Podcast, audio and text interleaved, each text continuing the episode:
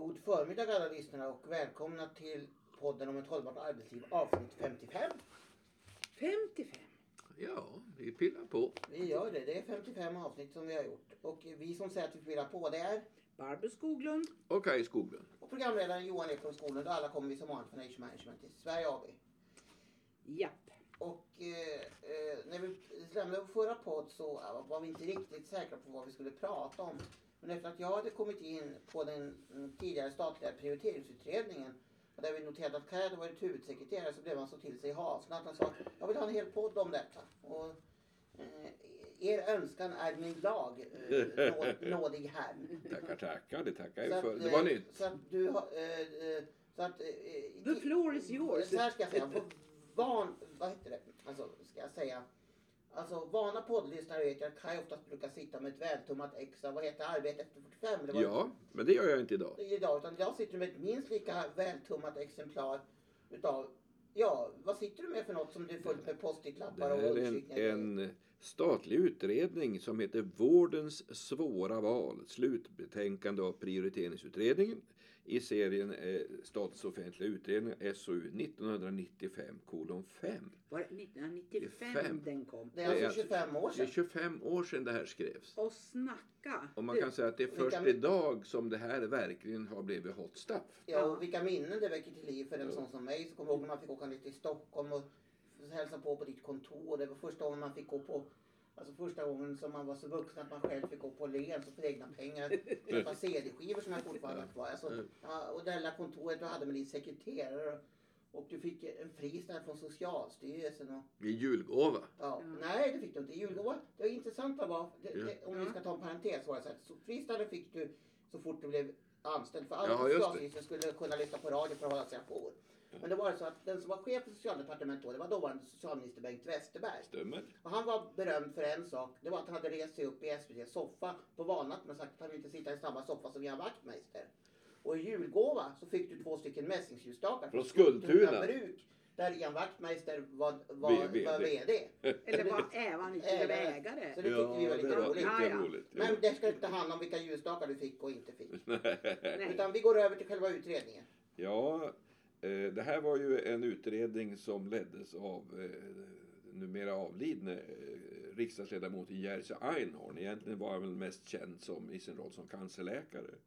En På annan, Radiumhemmet. på radio. Och förintelseöverlevare också. en, ja, just det. En annan ledamot som, som jag hade stort eh, värde av att lära känna, det var Bengt Lindqvist. Han var väl världens första blinde minister, socialdemokrat. Det var rätt fascinerande hur han med hjälp av punktskrift och eh, och uppläsningsprogram kunde följa med och, och delta i utredningens arbete. För vi jobbar ju oavbrutet med promemorior och en ena Hur länge andra. höll ni på? Eh, Ja, vi Jag började... kommer ihåg hur länge ni höll på. Vi höll på i tre år tror jag. Jajamensan. Stämmer bra. Det är Jajamän. 92 till 95. Eftersom jag var starstruck redan på den tiden så tyckte jag också det var häftigt att du fick träffa en av de lärde i Lund, nämligen professor Göran Hermerén som man har sett i TV när han satt där. Ja. Jan Öjvind Svan och de övriga svarade på frågor från Ja kändisar på Göran Hermerén. Eh, salen i Det- Vi hade ju Borgen. brett representation av olika sakkunniga. Göran Hermerén som filosof var en. En annan var eh, Kjell Asplund som senare blev, han var då medicinöverläkare i Umeå, blev, har sedan blivit mycket känd i svensk sjukvård, varit generaldirektör för Socialstyrelsen och har fortfarande en rad olika uppdrag. Jan Men- Ottosson medverkade också. Jag är professor i psykiatri, Jan-Otto Ottosson, en av svensk psykiatris grand old man kan man väl säga. Men vi kanske nu ska gå in på sakinnehållet, det blir så mycket kring det. Ja. Ja, det var ju så att, att eh, eh, bakgrunden till den här utredningen var att man bedömde att det behövdes en ökad öppenhet kring behovet av prioriteringen av hälso och sjukvården. Och det här är ing- eh, någonting som man inte bara hade uppmärksammat i Sverige utan i många andra länder också. Så vi arbetade på i tre år och det lanserades ett förslag till förändring i hälso och sjukvårdslagen som infördes och som fortfarande gäller. Och det är de grundläggande prioriteringsprinciperna, det som kallas för den etiska plattformen. Och det är intressant. Den etiska plattformen. Formen, inte, sa jag plastformen? Ja, typ något sånt. Det var men så- det En är etisk, plattformen. etisk, en etisk plattform och inte Jo. en plastform. Ja, hade det varit på minuten hade jag nog blivit avbruten. Du hade där. blivit Ja. totalt avbruten. Ehm, Men det jag tycker är intressant var just den här öppenheten. För att när den här eh, utredningen var klar och så remissbehandlades och så kom det en proposition eh, baserat på utredningen och den här etiska plattformen. Och då normalt sett när departementet gör, lägger en proposition skickar man ju alltid ett, ett, ett pressmeddelande. Men den här gången, det här passerade obemärkt förbi. Så efter någon vecka upptäckte jag för min del att man hade, att man hade lagt en proposition. Så jag tog kontakt med, kontakt med socialdepartementet och frågade hur kommer det sig inte att ni, har, att ni inte har skrivit någon, någon pressmeddelande på det? Ja, det har skrivits så mycket om det här så det tyckte vi inte behövdes. Sen har väl den här... eh, De Men är, ni hade ju en, en lång process. Ja, Ni ja, och jag blev- reste ja, öppna hade med- öppna, ja. öppna hearings Ja, och så vidare. Så det följdes ju väldigt tydligt Ja, under de här Men tre åren. Sen kan man väl säga, sen dog frågan. Typ. Inte ut, men, men, men det har inte hänt så mycket. Av och till åberopas de här, den här etiska plattformen. Men egentligen är det först nu i samband med diskussion om intensivvården i kölvattnet av- av covid-19 som frågan om prioritering har blivit väldigt aktuell. Nå, hur, Ja. hur, vad är den här etiska Ja, den plattformen är tre då? principer som är överordnade, eller de är prioriterade i viss ordning. Den, den, den mest grundläggande principen det är människovärdesprincipen. Alla människor har samma värde oavsett ålder, kön, social ställning, You name it. ja, you name it. Alltså det spelar ingen roll om du har, om du har, om du har supit i 40 år eller, kärnfrisk. Alla har rätt till en ny lever. Alltså, Ja. för att dra till sin spets. Det är ett bra exempel. Till exempel det här med och- Det här med, med självförvållade skador kan man inte prioritera bort människor för att du får rå för det här. Du borde inte ha klättrat i det här berget eller du borde inte ha druckit så mycket sprit. Har du en medicinsk åkomma som man kan behandla då har du samma rätt till vård som alla andra. Det här är en, en grundläggande princip men den är väldigt kontroversiell om man skrapar på ytan. Alla håller ju med, men det är klart att alla människor har samma värde. Men just i den här diskussionen har ju kommit in frågan om ålder, eh, kronologisk ålder. Vi återkommer nog till det. Nästa princip som är underordnad människovärdesprincipen det är behovs eller solidaritetsprincipen. Och det betyder att vi måste erkänna att i olika behov så väger olika tungt. Det finns människor som har svåra sjukdomar och väldigt stora behov av vård och de måste kunna gå före de som har mindre eh, svåra eh, behov eller svåra sjukdomar. Och solidaritetsprincipen det bygger på att vi som medborgare accepterar att vissa människor måste få företräde framför våra egna behov om de inte är så allvarliga. Den tredje det är Och kostnads... vem, vem avgör det här då? Mm. Det här är en... Ett, det eh, här är ju, det här är nu... är ju Ja, ja. Tricky så att Ja, säga. det här ligger ju i praktiken kan man, ja, för det första kan man säga att de här principerna ska ju ligga till grund för hur man fördelar resurser inom hälso och sjukvården. Mm. Men det kommer jag till lite senare. Men framförallt handlar det om den, den kliniska vardagen. Besluten och, be, be, bara säga, besluten och bedömningarna i de här fallen, det görs ju inom sjukvården, inom äldrevården, gör av de professionella. Det kan vara en undersköterska, det kan vara en sjuksköterska, det kan vara en läkare. Det här sker ju dagligen och stundligen i hela vårt avlånga land faktiskt. En, som, en, som, en av kanske världens mest kända hittills patienter som har varit sjuk i covid-19 eller corona om vi säger så. Det är Boris Johnson. Ja. Och jag hörde en debatt här i radio där man diskuterade om Stefan Löfven blev sjuk i, i covid-19 men inte allvarligt sjuk. Skulle han ändå då ha företräde i vården? Alltså skulle det vara rätt etiskt att säga att vi prioriterar honom? Han är vår statsminister och måste snabbt komma tillbaka på banan för att kunna styra landet. Eller får han ställa sig i kön som vem som helst? På den frågan är svaret entydigt nej. Han ska inte ha någon företräde bara för att han är statsminister. För om vi godtar det, då har vi samtidigt kommit på ett sluttande plan där vi börjar ta hänsyn till social ställning. Och då kan man säga att statsministern är viktig, en arbetslös eller utslagen kanske är lika viktig. Och då börjar man sortera människor. Sen är det naturligtvis så, det vet ju alla, att vi lever ju inte i en perfekt värld. Så att det är klart att den här typen av faktorer också- ändå tillåts spela in fast de inte ska göra sagt det att man ska prioritera, när man ska börja med masstestning så ska man prioritera masstestning av vårdpersonal. Ja, och det är en typ av prioritering. Det handlar ju om att skydda patienterna. Mm. Nåväl, sen finns det en tredje princip och det är kostnadseffektivitetsprincipen och det säger helt enkelt att om man har olika behandlingsmetoder för en, för en viss sjukdom så ska man eftersträva, som vi skrev, en rimlig relation mellan kostnader och effekt. Det finns ju exempel på läkemedel som är väldigt dyra och som har något bättre effekt än, än eh, andra läkemedel för samma sjukdom. Och, då, och det, har, det här har börjat tillämpas allt mer när man bedömer läkemedel numera. Att man, bara för att ett läkemedel är effektivt så sätter man en gräns för hur dyrt får det bli. Så det här är de tre grundläggande principerna.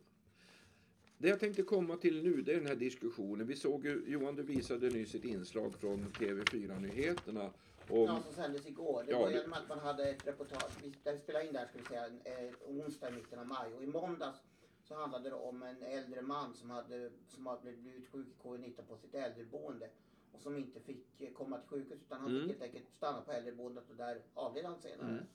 Och då hade de intervjuat bland annat den kände äldreforskaren Yngve Gustafsson som menade att det här var ren och skär åldersdiskriminering. Och sen så i ett uppföljande reportage igår så intervjuade de eh, hälso och sjukvårdsdirektören i Region Stockholm, Björn Eriksson, som hävdade då att det här är alltid en liten plan man har. Att Mm. äldre ska i möjligaste mån få vara kvar på boendena och där ska man ge adekvat vård i hemmet. Istället för att flytta dem till sjukhus. Och där, där, eh, med all respekt för Yngve Gustafsson så sa han så här, eftersom han var så svårt sjuk så skulle han flyttas till sjukhus. Och det bygger på ett synsätt att det alltid är bäst att vara på sjukhus. Och det är ju en gammal, man kan säga så här, den gamla inställningen var ju större ett sjukhus är desto, desto bättre är det att vara där. Samtidigt som vi vet att det finns stora risker med sjukhusbehandling, inte minst för gamla sköra patienter. Och då kommer vi till ett annat begrepp som är centralt, det är nyttobegreppet. Och då vill jag citera, nytta innebär att vården måste vara både ändamålsenlig och meningsfull. Och då kommer vi till den här diskussionen om, om eh, till exempel intensivvård eller respirator eller som det också heter ventilatorvård av äldre patienter.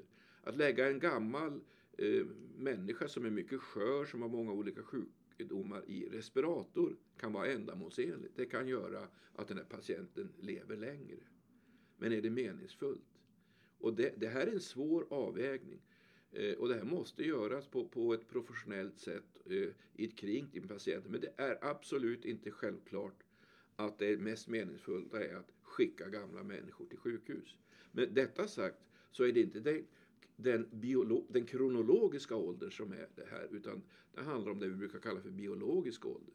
Och det kan betyda att en 60-åring har mycket sämre eh, ska vi säga, förutsättningar för en aktiv intensivvård än en betydligt äldre patient. Kronologiskt äldre. Kronologiskt äldre. Men det finns ju en annan aspekt av det hela också. Det finns ju folk som kanske, man kan vara oavsett ålder, som säger att jag vill dö hemma. Exakt. Alltså, Och, vi har ju tidigare läst till exempel om yngre cancerpatienter som säger att ja, men jag vill avsluta mitt liv hemma. Och då krävs det väldigt avancerad smärtlindring och kan, kan hemsjukvården fixa detta? Alltså? ja. och där, där är det ju så att vården ska bedrivas i nära samarbete med patienten och den typen av önskemål ska så långt det är rimligt eh, tillgodoses. Och det var intressant, det var ett reportage från Belgien där många har dött på äldreboenden. Och då säger, och intervjuar man läkare i Belgien och epidemiologer som säger att ja, men vi, har ett, vi är väldigt måna om att informera patienter och anhöriga om vad som händer om vi skickar in dem på sjukhus. Vilka negativa, vilka biverkningar, hur oerhört eh, arbetsamt och svårt det kan vara för kroppen att klara av modern intensivvård. Och då väljer väldigt många, både patienter och anhöriga, att nej, det är bättre att, att jag eller min mamma eller min pappa får dö i lugn och ro på ett värdigt sätt på ett äldreboende. Och där har vi väl en, tycker jag, en intressant aspekt på det här. Ja, det är ju, det är ju, det är ju oerhört svåra eh, livsexistens. Ja, ja. Alltså det här handlar ju om vårt förhållande till, till avslut av livet, vårt förhållande till vad som händer sen. Eh, och, och det blir så påtagligt i en sån här situation som vi befinner oss i. Jag då som handleder Mm. en massa chefer eh, med medarbetare. Mm. Eh, hur, hur, hur ska man förhålla sig till det här på en arbetsplats som då inte eh, kanske alltid är aktiv i, inom hälso och sjukvården eller inom äldrevården utan överhuvudtaget. Vad, vad, hur ska vi förhålla oss för att jobba eh, om vi kallar det för socialt distanserade utan, Mm, att, mm. utan att det blir för negativt så att säga och jobba hemifrån och på vilket sätt ska vi kunna göra det utan att, att det ska fungera och vad krävs det? Vad krävs det för sekretessåtgärder Mm, när man mm. arbetar inom Mm. frågor som är, har en hög, ett, ett högt behov eller ett kvalificerat behov av sekretess? Har vi den typen av säkerhet när man normalt inte arbetar hemifrån? Det är inte krypterat, det är liksom inte den, den typen utav, utav vad ska jag säga, nivå på eh, IT-säkerheten för det har inte funnits behov utav det. Och en annan, Och, och det här gör ju då att det finns alltså eh, enskilda medarbetares eh, eh, väldigt alltså personrelaterade eh, rädslor Mm. eh, av alla möjliga olika sätt som, som eh, är nya på, i, i, i, för arbetsmiljön. För att det är faktiskt mm, det det här handlar om och det är det vi jobbar mm. väldigt mycket med. Och här måste man jobba individuellt och, och eh, eh, vara lyhörd för olikheter men samtidigt behålla sin, sin professionalitet som chef. Det vill säga, vad, vad kan vi, vad, hur, hur kan vi lösa det här på ett sätt att säga, både ha kakan och äta Mm, upp den. Och, och hur förhåller vi oss till när man är i ett, i ett personalrum, fikaraster, eh, lunchraster eh, ja, och så vidare. Och samtidigt så ser vi ju nu att de, hela den här IT börjar komma upp kritik till distansmöten. Det hackar och det blir opersonligt. Du ser inte ögonkontakten och du får så att säga inte den dynamik som man får när man, när man har en, en, man behöver inte sitta knät på varandra men man behöver alltså befinna sig så man kan tolka fler signaler än, än bara rösten. Eh, och, och, och så det här är, och det är ju också den här typen Mm. av etiska frågor. För vad, vad är det egentligen som, som dyker upp i, i Mm. våra eh, kan- tankar när vi blir så nära? Jag vill komma med, eller vill Ja. du säga något Kaire? Ja, jag skulle bara säga att egentligen är det så att just den här frågan om eh, gam, sköra patienter på I äldre, livets slutskede. i livets slutskede. Mm. Ska man låta dem, ska de dö på, på eh, i en palliativ omgivning på ett äldreboende? Ska de skickas till sjukhus? Det är ju någonting som eh, vårdpersonal konfronteras med och alltid konfronteras med år ut och år in. Eh, diskussion med läkare och anhöriga. Och ibland är det naturligtvis så att anhöriga är så oerhört oroliga, eller patienter så oroliga, så att då händer det att man väljer att skicka den här patienten till sjukhus fast man kanske tycker att det är det egentligen meningsfullt. Medan med andra fall, om anhöriga och patienten känner trygghet att man stannar kvar. Så egentligen är den här prioriteringsdiskussionen som har kommit upp kopplat till intensivvård inte ny. Det är bara det nya är att nu har den blivit medialt uppmärksammad. Så som vi en gång i världen hade hoppats för 25 år sedan att uppmärksamheten Alltså, skulle bli. då menar du ni i utredningen? Då menar jag ni, vi i utredningen. Mm. Men du hade en fråga Johan. Sen har jag en sista grej om tiden så medger. Nej, jo det gör det visst det. Och jag har också en, en annan respekt. Men vi tar det som jag skulle säga nu. Det vill jag, jag vill säga så här. Som vana lyssnare kanske vet så jobbar jag ju också som frilansjournalist. Och i den rollen så har jag jobbat åt en tidning där vi regelbundet har ett segment som handlar om privatekonomi. Alltså vi, får, vi, vi, stä, vi har alltså ett antal banker och även den kommunala budget och skuldrådgivaren som vi ställer frågor till. Och ett ämne som jag där, därför fick, eh, för, fick för mig att fördjupa mig för några år sedan. Det var när det kom en ny lag som sa att det fanns något som heter framtidsfullmakt. Just det. Just det. Och vi frågade då hur, vad ska man tänka på när man skriver en sådär och kan, finns det jurister och kan hjälpa till med detta? Och då svarade de alla på det. Bankerna och eh, skuld och budgetgivare från kommunen. Och det, och det där sätter ju också fingret på just det vi pratade om att, eh, att det har blivit mer aktuellt att man alltså själv måste i förväg eller ska myndigheternas önskan att man i förväg har skrivit ner hur man vill ha det. Väldigt mycket säger de uttalar om detta också. Att precis du säger att vård, liv, skulle utredas. Att mycket handlar om att man att man bör veta hur vill de ha det, vill de inte ha det, vill de vara hemma eller hur vill de ha det? Ja. Den, är, den här typen av eh, livstestamenten är formellt inte eh, giltiga i Sverige. Det är alltså så att även om man har skrivit ner i förväg hur man vill ha det om man Du vill hälso, inom hälso inom hälso och sjukvården så betyder det ändå att man gör en, en medicinsk bedömning. Men det är klart att en patient som har tydligt sagt jag vill inte ha eh, hjärt-lungräddning och, och, och till exempel en svårt sjuk person, då brukar man respektera det. Men man är inte bunden av det. Jag vill bara vara tydlig med att framtidsfullmakt handlar alltså om att Ja. du har rätt att låta någon annan företräda dig om du själv skulle bli så inkapaciterad att du inte klarar av det. Och då ska det i förväg stått att om jag blir så dålig så att jag inte kan fatta egna beslut vill jag att XX företräder mig och fattar beslut Men- om mina vägnar. Rent legalt är det så att eh, just när det gäller hälso och sjukvård och man ska erbjudas eller inte erbjudas en viss typ av behandling. Då har ingen annan rätt eh, än den enskilde själv.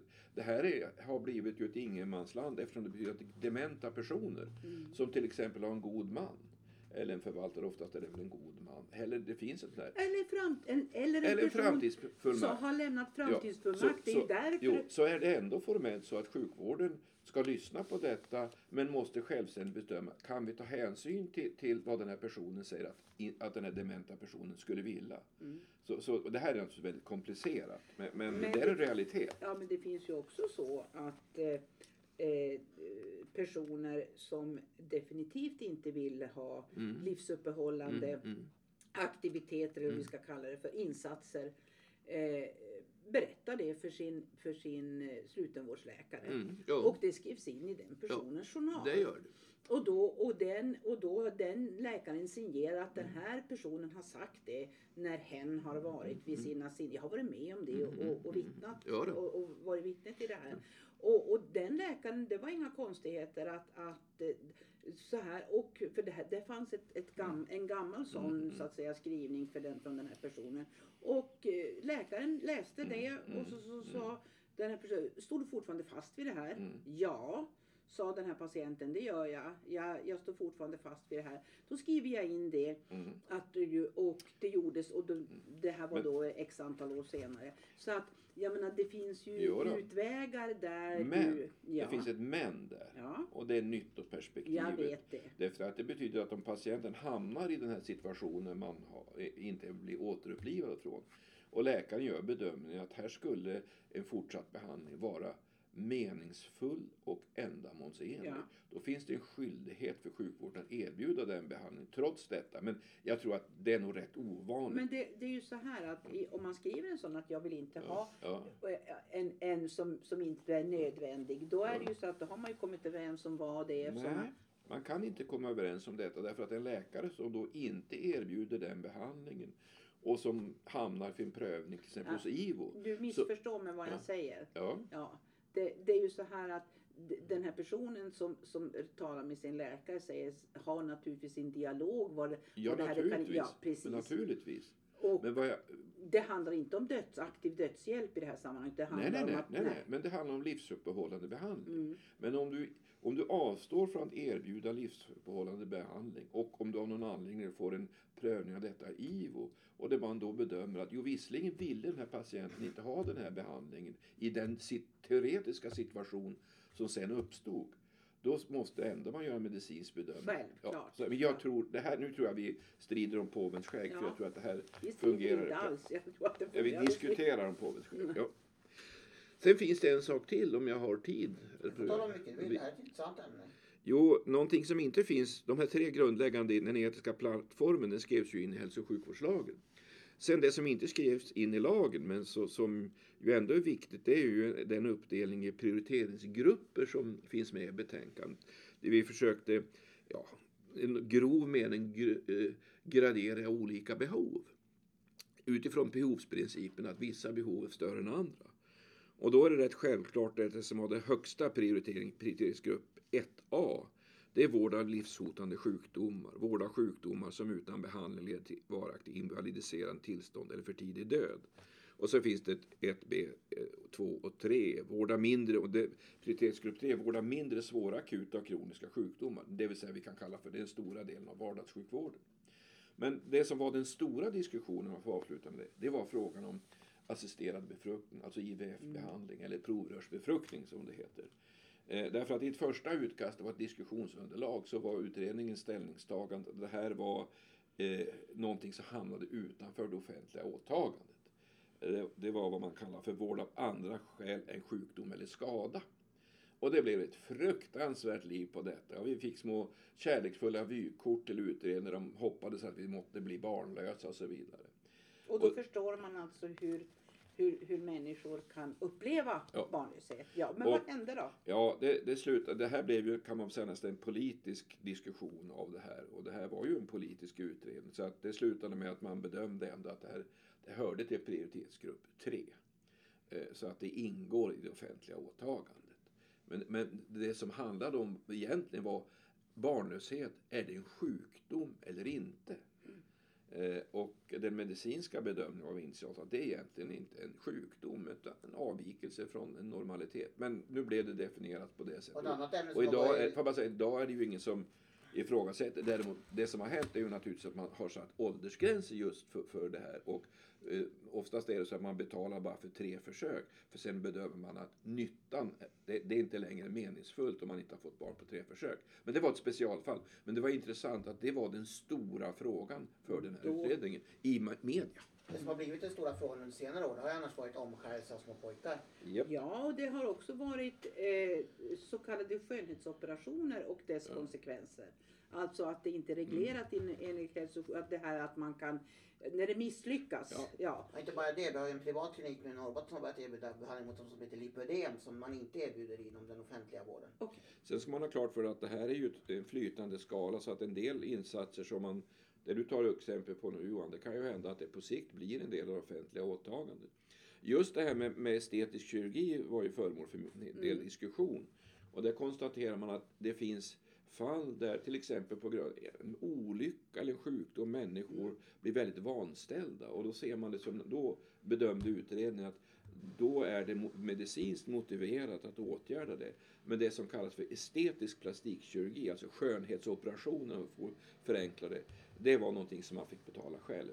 Och så är väl den grundläggande principen idag. Men det innebär också att om du genomgår en estetisk, en skönhetsoperation och det blir komplikationer, svåra komplikationer, då kan man inte utifrån behovs och solidaritetsprincipen säga till den patienten, vet du att du får skylla dig själv, du borde inte ha genomgått den här bröstförstoringen eller, eller vad det nu var. Eller minskningen. Nej, utan då måste man behandla de patienterna på samma sätt som andra med den typen av tillstånd.